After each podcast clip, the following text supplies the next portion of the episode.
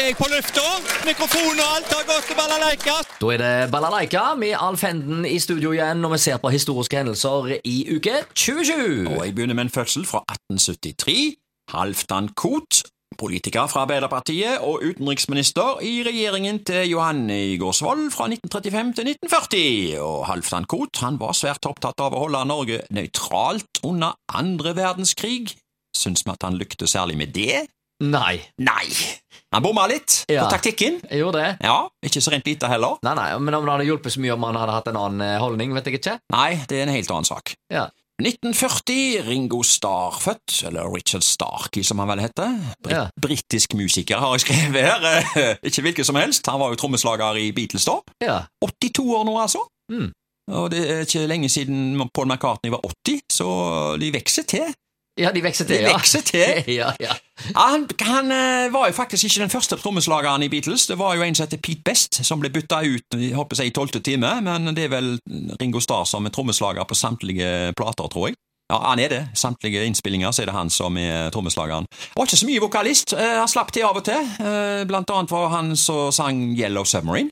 ja stemmer. Det var, hadde et par andre òg. Ja. Født i 1940, altså. Hendelser internasjonalt. Eh, 1456. Jeanne d'Arc. Ja. Hun, hun blir frikjent, ja, ja. men akk, hun var jo allerede henretta. Så det var litt seint å Så frikjenne henne. fikk aldri gleden av å føle seg frikjent. Nei. Eh, 1954.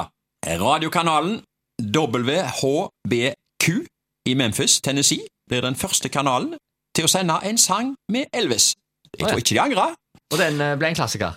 I ja, 1954, eh, det var, jo, det var jo før eh, han fikk sin første hit, dette, så Ja. eh, det, det jeg vet ikke hva dette her kan være.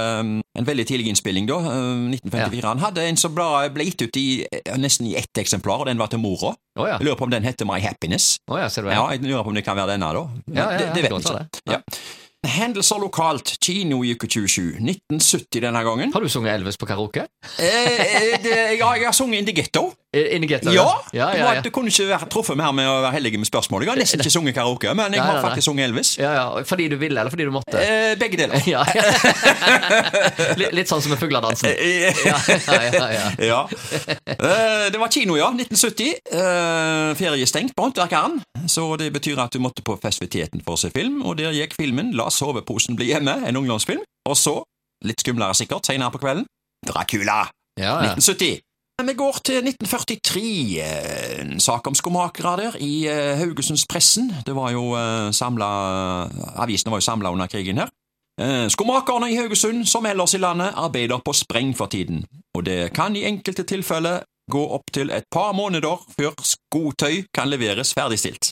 Ja, før var det mange skomakere, eh, og vi leverte inn sko helt til de var fullstendig utgått. Det var som regel eh, menn som var skomakere. I eh, dalen i Aversnes så var det såga skomaker i fire generasjoner. I dag er det knapt nok skomakere igjen Hvis sin lest. Ja. Skomakerinnen er hun fremdeles i sentrum. Jeg, tror gjerne det. ja, Ja, jeg har vært litt stilt rundt akkurat det nå, men Det, det er mer sånn bruk og kast Ja, det er det, altså. Men altså, har du noen gode sko, så kan du ha de noen år. Visst kan du det, og så er jo skoene mer robuste i dag. da. Du kan gå Ja. med de lenger, og, og eh, jeg ser jo behovet for skomakere kanskje har avtatt en del, for å si det sånn. Ja, ja. Eh, Men eh, det var noe synd at det yrket forsvant. Det var noe koselig med det. Det var litt sånn skomaker Andersen hos alle skomakere, følte seg. Ja, Men det var en nødvendighet før, vet du. Ja, det var jo det. Men i dag så er det bruk og kast, som sagt. Ja, Apropos bruk og kast. 1999. Skrap opp fra Vangen. Mm. Haugesunds Avis hadde en sak der. Den kommunale badeplassen i Haraldsvang skjuler mange hemmeligheter. I helgen gikk dykkere fra Haugesund Froskemannskole og andre frivillige til bunns for å rydde opp. Resultatet var, jeg siterer her nå, 16 sykler, én PC, to mopeder, og så var det det benker, stoler, leker, trapper faktisk, og ei handlevogn! Såpass? Ja, dette var altså ting som ble fanget opp fra Vangen i 1999. Og dette her med opprydning fra havbunn og sjøbunn, det har jo blitt en tradisjon. Ja, det Og var jeg vet ikke om vi skal være glad eller, eh, glad eller skuffa over det, men eh, det blir, eh, det blir tatt opp mindre nå enn før. Jo, må vi være glad for det, for det betyr vel at det blir Ja. kasta mindre. Ja, og så har de jo begynt å ta opp andre steder òg etter hvert, så de gjør en kjempejobb.